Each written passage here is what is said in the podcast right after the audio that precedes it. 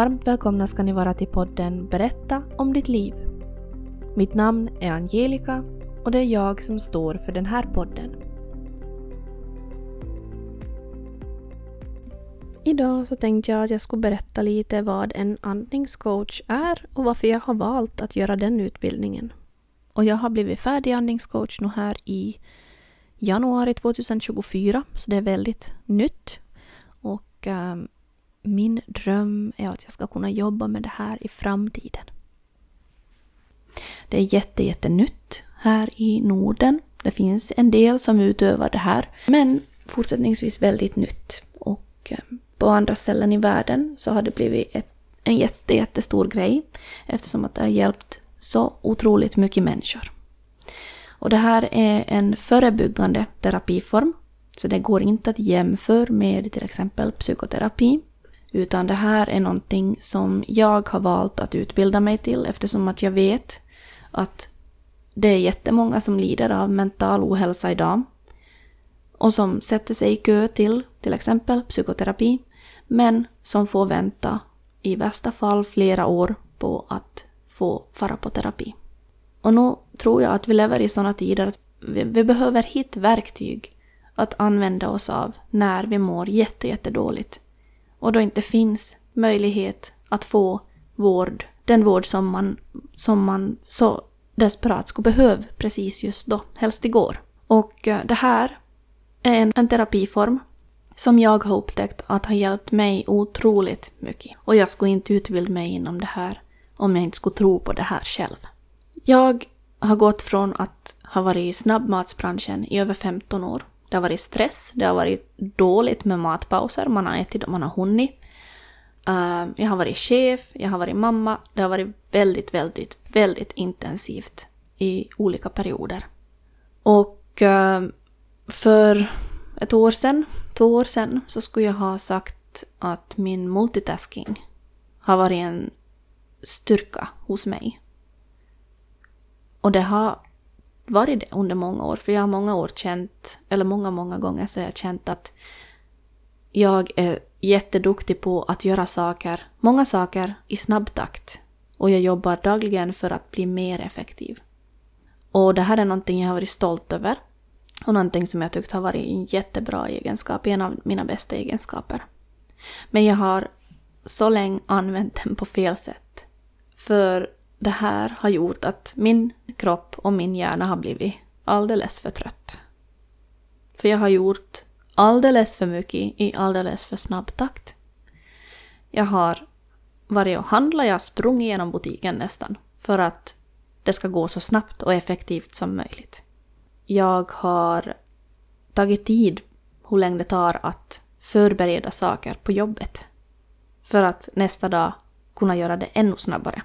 Och som, eh, som en arbetstagare så är man ju jätteduktig om man håller på så.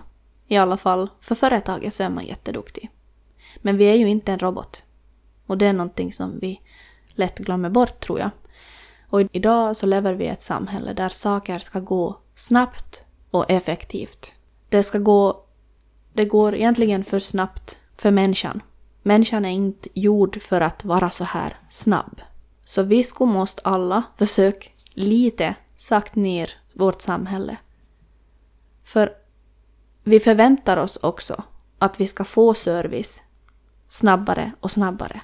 Om jag nu till exempel tar en hamburgare med det som jag har och då jobbat med i många års tid. Ska man ha en välgjord hamburgare av kvalitet så kan man inte räkna med att det ska gå på tre minuter och så är den färdig.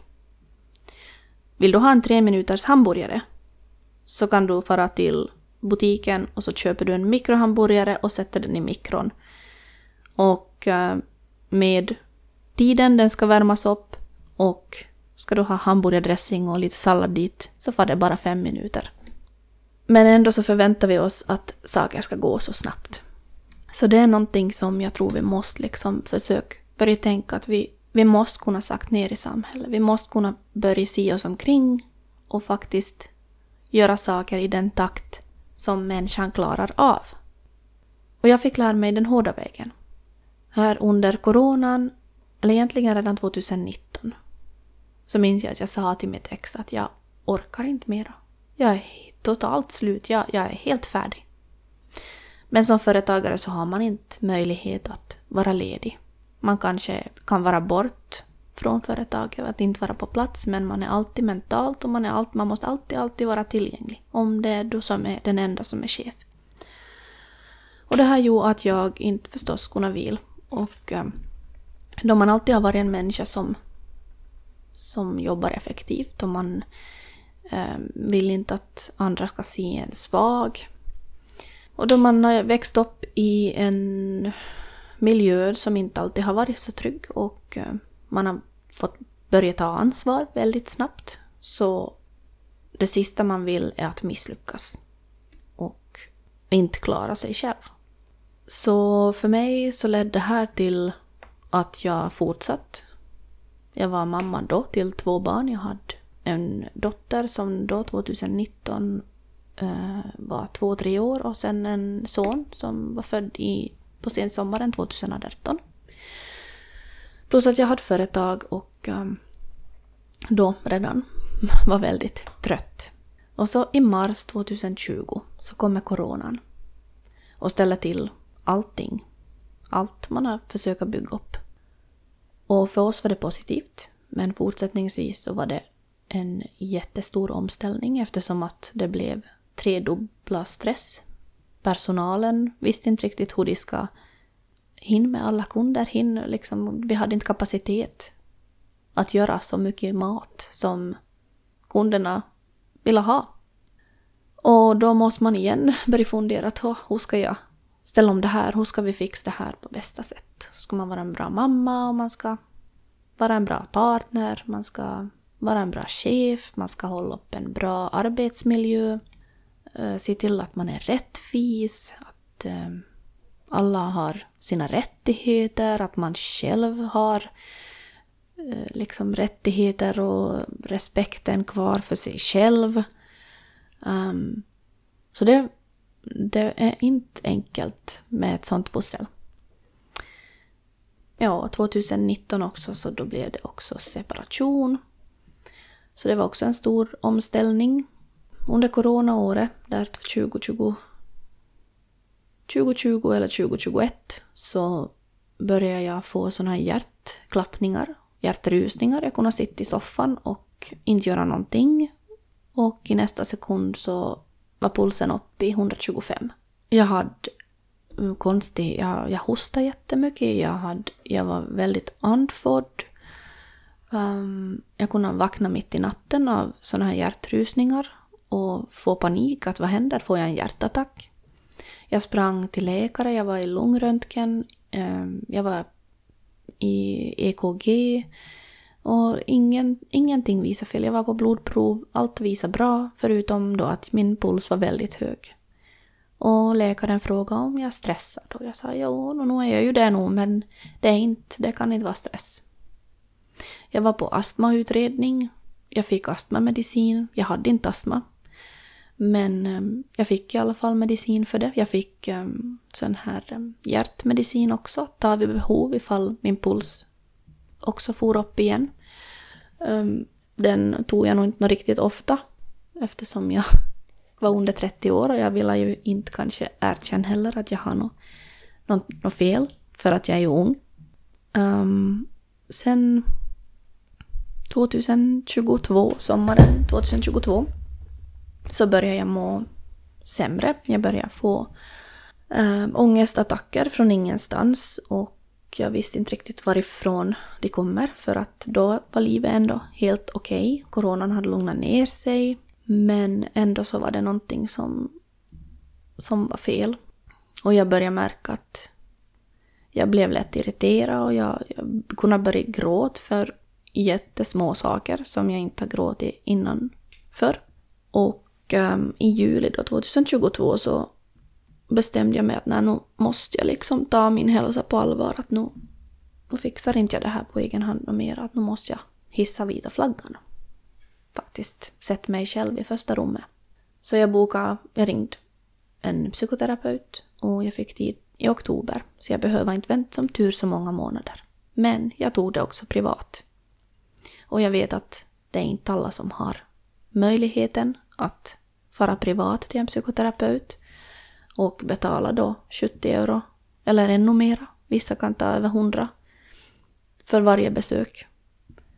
Men jag var så pass dålig då så jag tänkte att nu, det får som bär eller brista. Nu, nu blir det så här. Och um, sen fick jag också då beviljat från Kela här i början på 23 så att nu betalar jag bara då 30 euro per besök i ungefär tror jag. Så att det är ju betydligt billigare.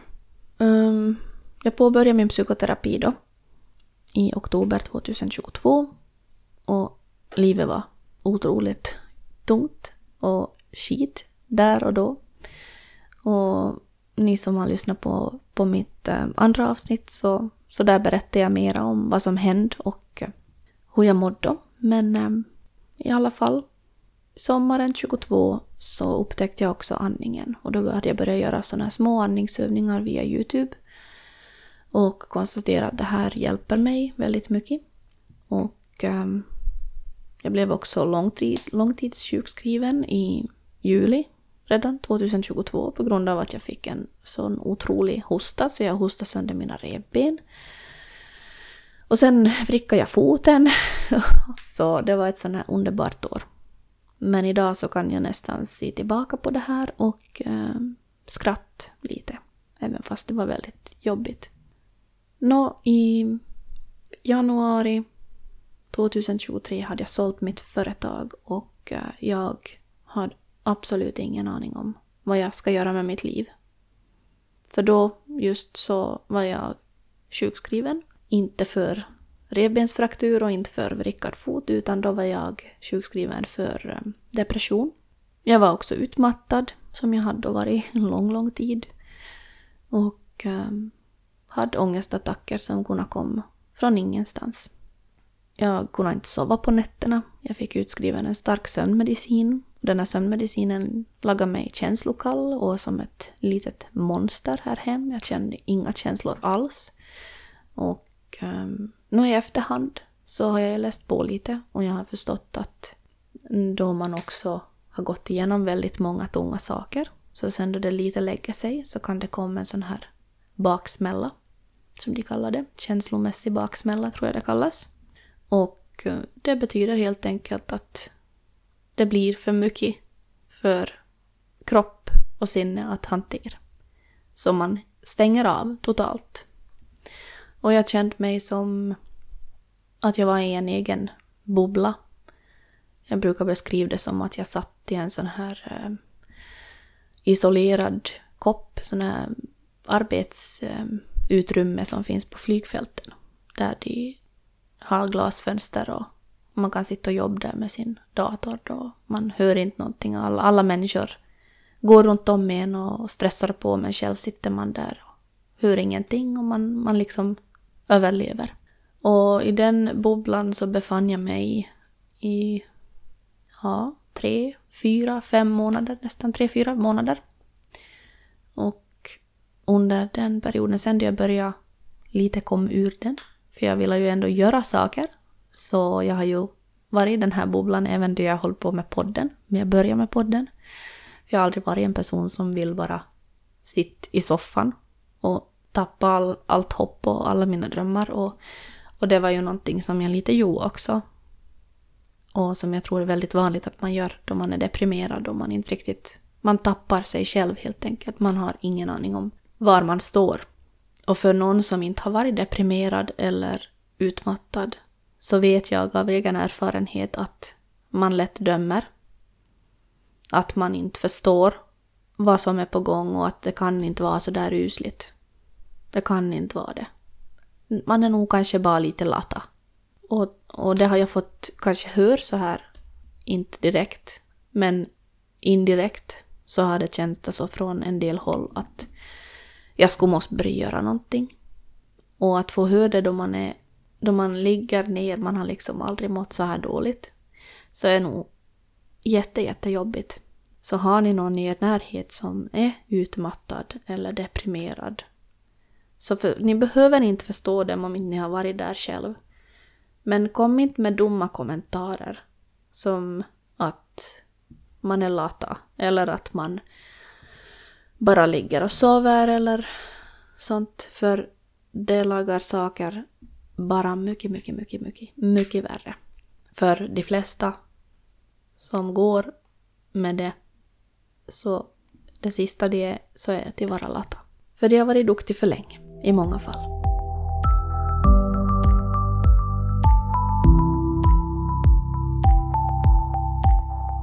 Jag började med podden och sen började jag fundera att vad ska jag göra med mitt liv? Vad vill jag bli när jag blir stor? Nej, men jag vill inte tillbaka till snabbmatsbranschen. Jag hade länge funderat på att vara tillbaka till någon pizzeria eftersom jag också är pizzabagare. Jag har varit i många års tid, jag är duktig på det. För det saknar jag ibland, men samtidigt så känner jag att jag, jag hoppas jag är färdig med den branschen. Jag skulle inte vilja tillbaka dit om inte jag måste. Och det tror jag är viktigt att man håller sina gränser. Att man, har man bestämt sig för att där har jag varit, så här fick det mig att må, jag vill inte tillbaka dit. Lämn det bakom er och försök hitta en annan väg. Hitt och fundera vad passar för er. Och för mig så började det komma upp eh, reklam då om andningscoach. Den utbildningen. Och jag kände att det här är ju vad jag vill göra. Och jag minns att jag för redan kanske en, två år sedan kom över någon video på Instagram eller TikTok då de gör de här så kallade andningsresorna som jag också kommer att börja guida. Och jag minns att det var som wow, vad händer här? Här är det ju faktiskt någon som har hittat ett sätt där man på ett fint sätt kan få fram så mycket underliggande känslor som måste få komma upp till ytan. Och det var så fint att se. Och när det sen började komma upp reklam för det här så tänkte jag men hmm, det är ju det här jag vill göra. Att jag har ju också lite sådär fått test på lite andningsövningar, inte så mycket, jag var inte alls erfaren. Men jag kände ändå att det är någonting här som, det här är vad jag vill göra. Så jag började googla och söka på olika typer av um, utbildningar. Och jag hittade den som jag tyckte passade mig bäst. Så jag påbörjade min utbildning. Och vartefter, varje vecka, som jag har gjort det här så har jag bara upptäckt att jag mera och mera är på rätt spår. Det är det här jag ska göra. Och kortfattat så kan jag ju säga nu då att eh, har man ångest, har man depression, har man ADHD, har man astma, eh, är man stressad, har man högt blodtryck, det är bra för posttraumatisk stress, det minskar inflammation det hjälper oss att reglera vår puls och njurfunktion, förbättra sömnen, förbättra processen av smärta och trauma, hjälper oss att tänka mer klart, hjälper oss att kunna planera bättre, ger en massiv minskning i stress, känsla av att man är mera jordad. Det kan hjälpa mot obearbetad sorg, olösta trauman, alkohol eller drogmissbruk, panikattacker, fobier, ilska, kronisk smärta, kronisk stress, dåligt självförtroende, dålig självkänsla, cirkulationsproblem, allergier, migrän, somatiska besvär. Alltså det, det hjälper mot så mycket. Och det är helt otroligt faktiskt vad det kan göra. Och att vi kan göra det här helt på egen hand. Och det här är någonting som vi också är skyldiga oss själva och kommande generationer. För jättemycket av vår mentala ohälsa som vi har, så kommer inte direkt från dig. Det kan komma generationer bakåt. Sånt som har blivit lagrat i våra kroppar och som har blivit sen vidarefört till framtida generationer. Lite så här korta fakta om andningen. Så vi tar ungefär 25 000 andetag om dagen. Andningen är den enda funktionen i vårt autonoma nervsystem som vi kan kontrollera själv. Och de flesta människor så tror att bara för att vi andas automatiskt så andas vi hälsosamt. Och det här stämmer ju tyvärr inte alla gånger. De flesta av oss så andas med bröstkorgen. Vi andas med det så kallade sympatiska nervsystemet. Då vi andas ytligt. Och det sympatiska nervsystemet så är egentligen vårt fly-fäkta nervsystem om man säger det enkelt. Och det här är då alltså då vi, då vi blir nervösa, då vi är rädda. Andas snabbt. Och om vi aktiverar det här hela tiden så gör det också att vi blir stressade, vi blir deprimerade och vi är hela tiden på spänn och vi tror att någonting hemskt ska hända. Därför så är det också jätte, jätteviktigt att vi skulle lära oss att andas mera från magen och just med diafragman. Och det är då det parasympatiska nervsystemet. Och det kallas också vila och matsmältningssystemet. Och det finns, alltså det där, då vi andas från magen så är det vila och matsmältningssystemet som påverkas av det. För vi behöver båda nervsystemen. För om vi är i en situation där vi behöver faktiskt vara rädd eller vi behöver fly från någonting, så behöver vi kunna använda av oss av sympatiska nervsystemet. Men det är inte menat för att vi ska vara konstant i det tillståndet. Så när vi andas för ytligt så blir det att vi helt enkelt börjar må mentalt sämre. Och därför så är andningen så viktig. Därför behöver vi lära oss att andas på rätt sätt. Det är också jättemånga av oss som andas genom munnen istället för näsan. Så det är också en grej som ni kan tänka på, att försöka andas så mycket som möjligt genom näsan. Och att man har längre utandning. För det gör också att vi lugnar ner vårt nervsystem. Och när vi lugnar ner vårt nervsystem så lugnar vi ner oss själva. Och när vi andas genom näsan, så ni vet vi har näshår, och det finns där av en anledning. Det är för att de ska filtrera bort sånt som inte ska in i kroppen. Och luften kommer också in långsammare till lungorna, vilket gör att den hinner värmas upp. Så när vi andas genom munnen så drar vi in massa basiller samtidigt som vi också drar in kall luft till våra lungor som gör att vi får inflammationer och som gör att vi blir sjuka.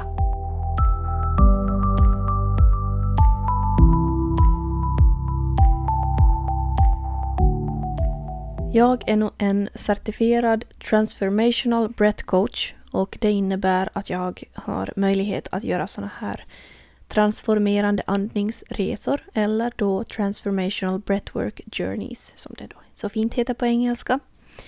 Och en sån här andningsresa så innebär Ja, alltså jag har jättesvårt att beskriva en sån.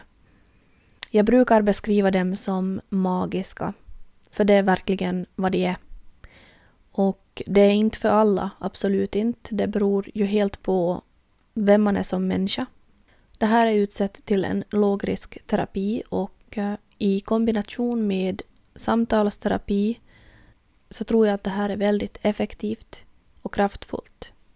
Då jag gjorde min första andningsresa så var det någonting av det tyngsta men vackraste som jag har gjort. För jag fick äntligen ut alla underliggande känslor och trauman som legat och grott i väldigt många år. Och trots min psykoterapi som jag började, där vi verkligen har grävt på djupet genom samtal, så var det ändå som att den här sista, sista biten, den här sista pusselbiten saknades. Och den fick jag genom att göra en sån här andningsresa. För när man gör en sån här andningsresa, så här kort sagt, så går den ut på att jag som är certifierad andningscoach, jag guidar dig. Man kan göra det på plats eller man kan göra det via Zoom på distans. Sen har jag då ett tema beroende på vad du vill bearbeta. Det kan vara stress, det kan vara ångest, det kan vara sorg, det kan vara trauma, det kan vara helt enkelt bara avslappning. Och den här avslappningsandningsresan, så den är någonting som passar för vem som helst. Det kan också vara för barn. Det kan vara att dina barn har koncentrationssvårigheter. Det kan vara att dina barn har ångest, eh, social fobi. Någonting där de behöver bearbeta någonting inom sig själv.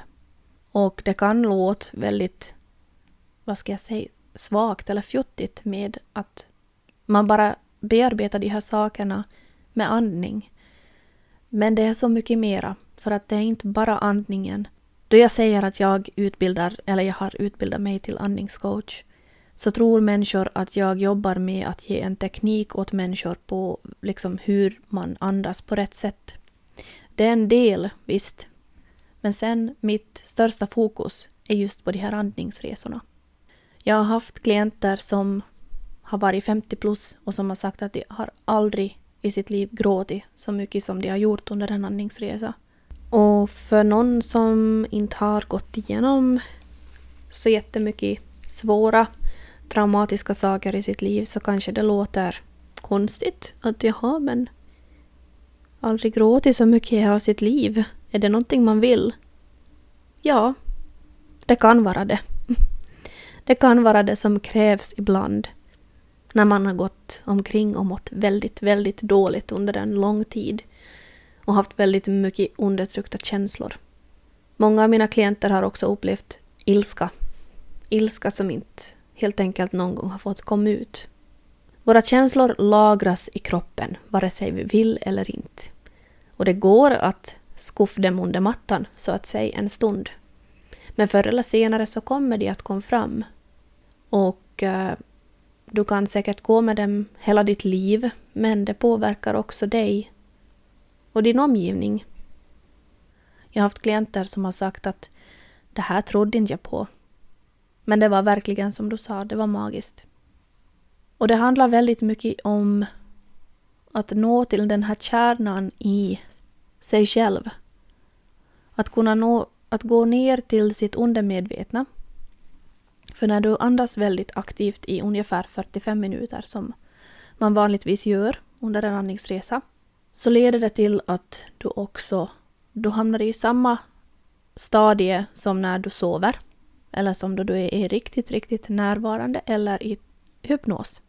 Jag har aldrig varit i hypnos så jag kan inte säga hur det har varit. Liksom, då jag tänker på att bli hypnotiserad så tänker jag på den här typiska bilden av att man har en svingande sån här, vad heter det, pendel framför sig och um, eller någon som blir liksom hypnotiserad av den.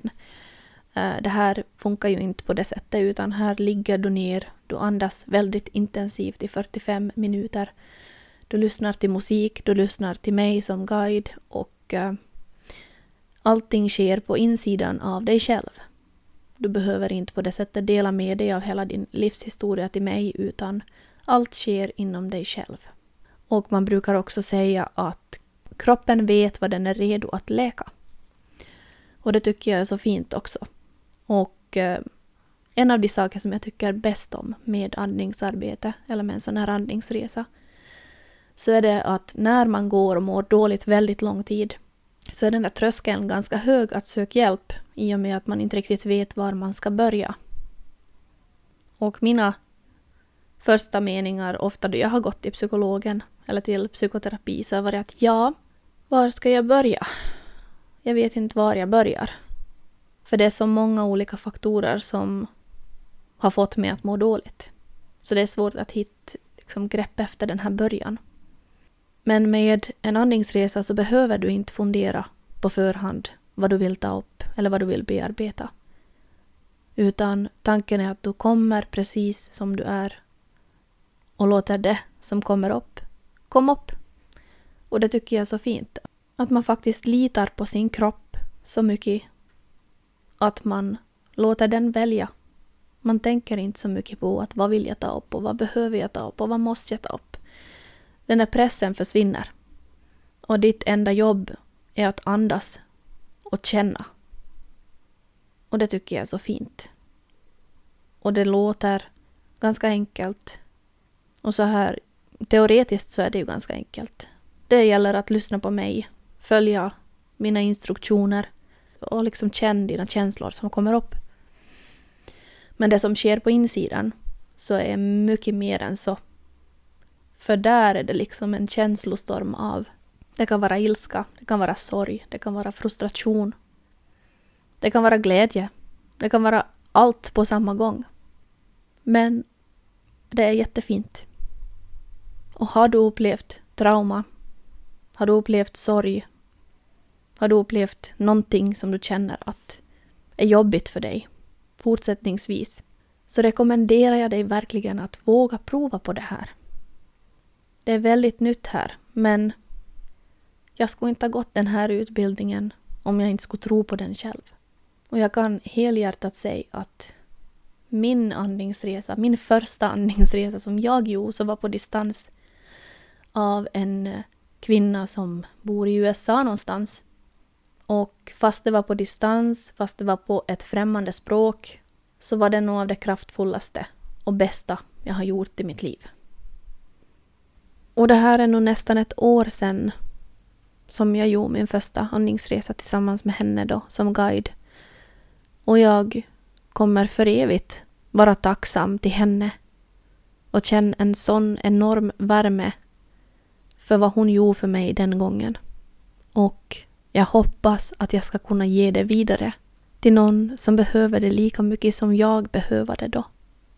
Så jag rekommenderar er som känner er redo för någonting nytt, som att testa på lite allt möjligt, att ta kontakt. Hör av er om det är någonting som känns väldigt tungt eller jobbigt.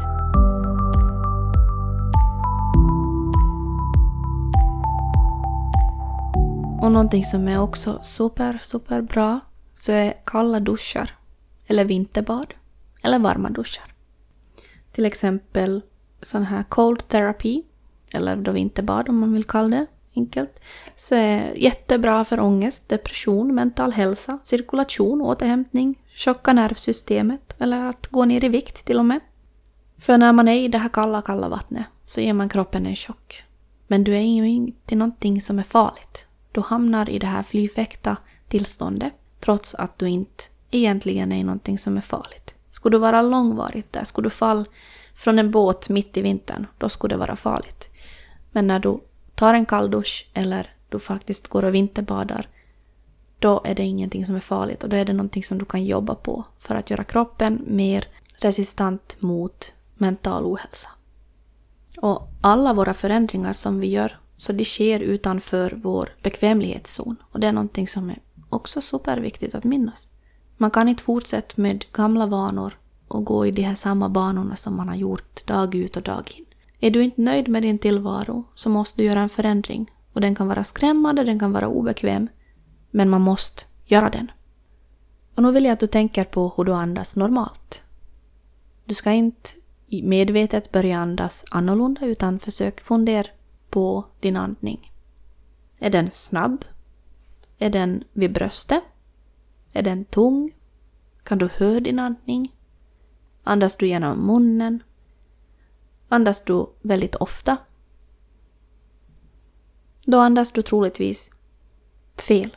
Om någon av de här känns som att de passar in på din andning. Ska man andas rätt så ska man andas långsamt. Du ska andas från magen med diafragman. Diafragman är en muskel som sitter mellan brösthålan och bukhålan. Och den är vår viktigaste muskel för andningen. Och den kallas också för andningsmuskeln. Det finns tre olika sätt som vi kan manipulera vårt nervsystem. Och som jag sa tidigare, så genom andningen, så det är vårt enda sätt som vi kan faktiskt manipulera och påverka vårt nervsystem. Man kan uppreglera och det betyder att då aktiverar man det sympatiska nervsystemet, alltså det här fly-fäkta-mode. Och det används för att man ska få mera energi och bättre fokus. Då kan man till exempel ta 20 andetag genom munnen i lagom takt. Och som sagt, vi behöver, vi behöver vårt sympatiska nervsystem. Men när vi fastnar i det så blir det negativt. Om man uppreglerar nervsystemet så kallas det också för superventilation det betyder att man är i full kontroll. Så det här är jättebra ifall du behöver fokus eller extra energi, ifall du ska ha en föreläsning eller står inför någonting som du, du behöver vara extra fokuserad. Sen kan man också balansera nervsystemet och det betyder i princip att du lugnar ner båda nervsystemen. Och sen då nedreglering så är jättebra om du behöver lugna ner nervsystemet. Det kan vara bra innan du ska sova. Om du är stressad och eh, bara behöver lugn och ro. Då är det jättebra att nedreglera nervsystemet. Andningsarbete så hjälper inte oss bara att släppa trauma och undantryckta känslor, Utan det hjälper oss också att släppa taget om gamla vanor, ändra på vårt tankesätt och våra strukturer eller tankemönster som vi har, som vi vill förändra. Och någonting som jag fick en sån här lite aha-upplevelse av så var den stunden då vi förstår att våra problem inte egentligen är problemet. Utan det är vår relation till problemet som behöver ändras. Så låt oss säga till exempel att ni har en arbetskollega som ni irriterar er jättemycket på. Åh, den här kollegan är så jobbig. Och ni går varje dag till arbetet och tänker samma sak. Uff, alltså det här, där har ni ett problem. Men är det den personen som faktiskt är problemet? Eller är det relationen som du har till personen som är problemet? Och är det den som behöver ändras? Eller att ni stiger upp på morgonen och börjar er dag med att uff, vad jobbigt. Idag är det måndag. Usch, måndag. Första dagen på veckan. Usch vad tråkigt. Är det då måndagen som är problemet? Eller är det relationen till att det faktiskt blir måndag? Är det, är det ditt tankesätt till att det blir måndag som gör att den här måndagen kommer att bli dålig? Fredagen den 13. Är det faktiskt en otursdag? Eller är det bara din relation till den dagen? Är det bara ditt tankesätt som styr där? Så det kan ni också försöka tänka på. Har ni någonting som ni anser att är ett problem i ert liv? Vad är egentligen problemet? Och vad kan ni göra för att lösa ert problem? Och eh, så här kortfattat om vårt medvetna och vårt omedvetna. Så alltså vårt omedvetna så är ju den del av hjärnan som håller information som är på utsidan av vårt medvetna. Och vårt, vårt medvetna är den del av hjärnan som är ansvarig för att bearbeta information under nivån av medvetet tänkande. Vi är upp till 95 % ledda av vårt omedvetna. Så det betyder att 95 procent av alla val och allt som du gör under din dag, så där är det ditt omedvetna som styr. Vi har 60 till 70 000 tankar varenda dag. Av de här tankarna så är 70 till 80 procent negativa, begränsade och kraftlösa. Och 95 procent av de här tankarna så repeterar vi om och om igen. Så det här säger ju sig själv om varför vi mår så dåligt idag, när våra tankar är så negativa och när de styrs av vårt undermedvetna. Sen 1998 så har antidepressiva mediciner farit upp med 400 procent. Det är ganska mycket. Och mediciner skrivs ut dagligen, alldeles för snabbt. Istället för att vi jobbar med oss själva, jobbar med vår mentala ohälsa. Och mediciner, jag äter själv en medicin. Och den har hjälpt mig, absolut. Så det kan vara att man behöver en medicin. Men vi kan också jobba väldigt, väldigt aktivt för att må bättre själv. Och nu vill jag heller inte liksom säga att mediciner inte hjälper. Det har hjälpt mig och jag vet att det har hjälpt väldigt många andra också. Jag har själv ätit en antidepressiv medicin i nästan ett år. Och jag kände att eh, jag kände här för någon månad sedan tillbaka att nej, men eh, nu kanske jag börjar vara redo att, att släppa den här medicinen. Och det är där jag tror att många faller tillbaka för att inte vågar. Jag började äta en medicin som heter Escitalopram, som säkert många av er känner till. Den börjar jag med i februari 23. Man säger att en antidepressiv medicin så ska man äta åtminstone ett halvår efter att man har fått full effekt.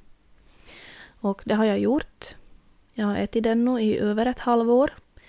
Och idag så befinner jag mig i ett helt annat tillstånd, mående, än vad jag gjorde för ett år sedan. Tack vare massa olika ändringar, inte bara medicinen. Men den har hjälpt mig, ja, jättemycket. Det har den gjort.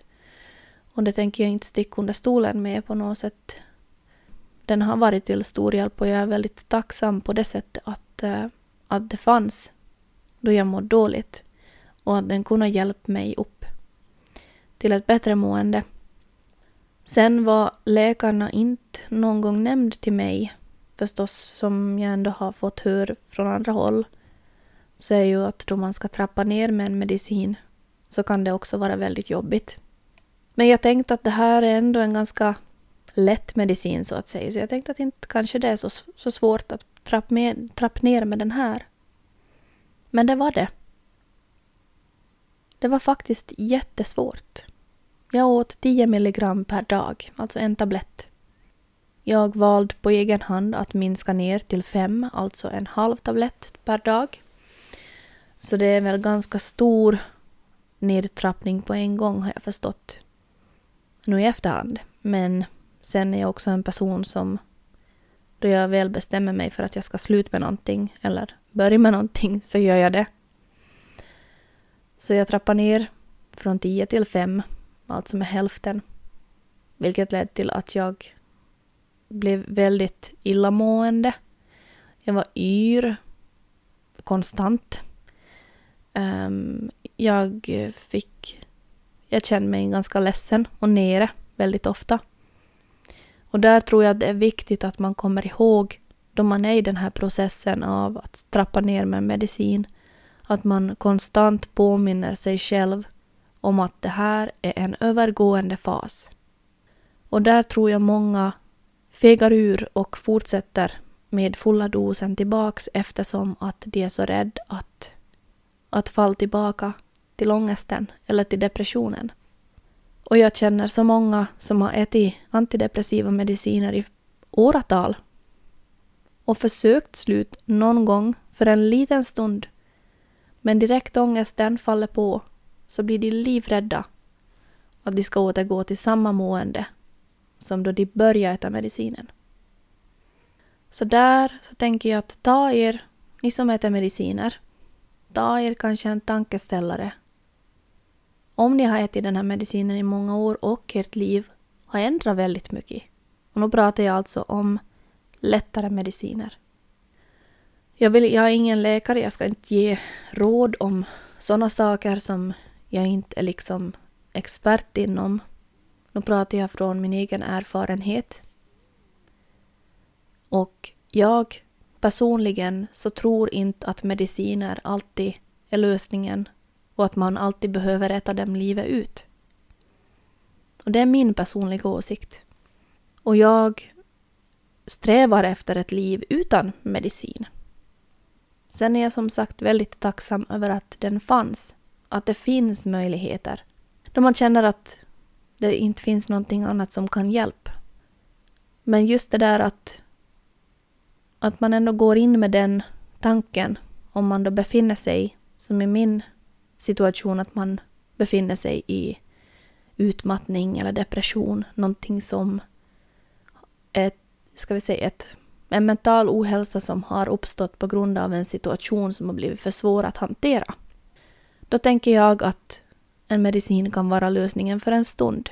Men min strävan har ändå varit att bli frisk. Och att kunna vara mig själv. I, i, det är liksom mitt mål, att jag ska kunna, kunna trappa ner med medicinen, förhoppningsvis kunna leva utan den då mitt liv har blivit bättre och för att sen kunna känna mig frisk och kunna hantera de här känslorna, ångesten och sånt som kommer på egen hand, som jag har gjort innan medicinen.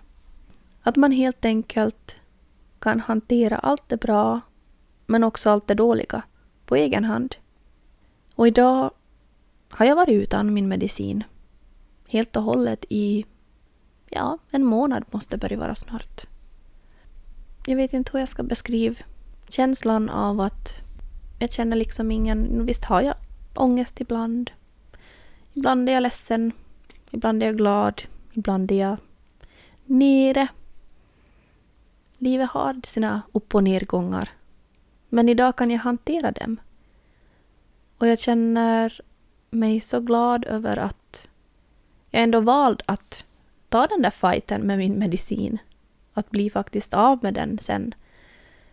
Och i dagens läge kunna känna glädje, kunna känna sorg, kunna känna alla känslor. Sen vet jag ju inte om, om det liksom, om det är för resten av livet. Men för tillfället så känner jag att, att jag klarar mig.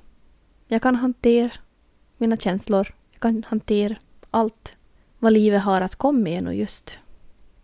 Jag behöver ingen medicin för det. Och en sak som jag har att tacka för det så är faktiskt andningen. För det är någonting som jag använder mig av dagligen. Oavsett om jag är på jobb, om jag är hemma, om jag behöver mera energi, om jag ska sova på natten, har svårt att somna, innan min serv på volleyboll. Jag använder mig av andningen hela tiden.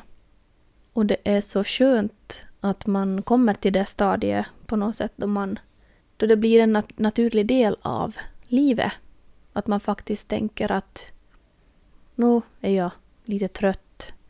Eller nu behöver jag försöka sova. Vilken teknik kan jag använda mig av här? Det blir lite som en, en nyfikenhet på något sätt. Att jag testar, testar mig framåt. Okej, okay, hur funkar det här nu om jag ska göra en bra serv? Jag ska göra någonting viktigt. Jag har ett viktigt möte. Vad händer om jag andas på ett visst sätt inför någonting speciellt? Och jag märker att jag kan hantera de här situationerna helt annorlunda. Och det tycker jag är häftigt. Att bara för att man stannar upp en liten, liten stund och faktiskt reflekterar över sin andning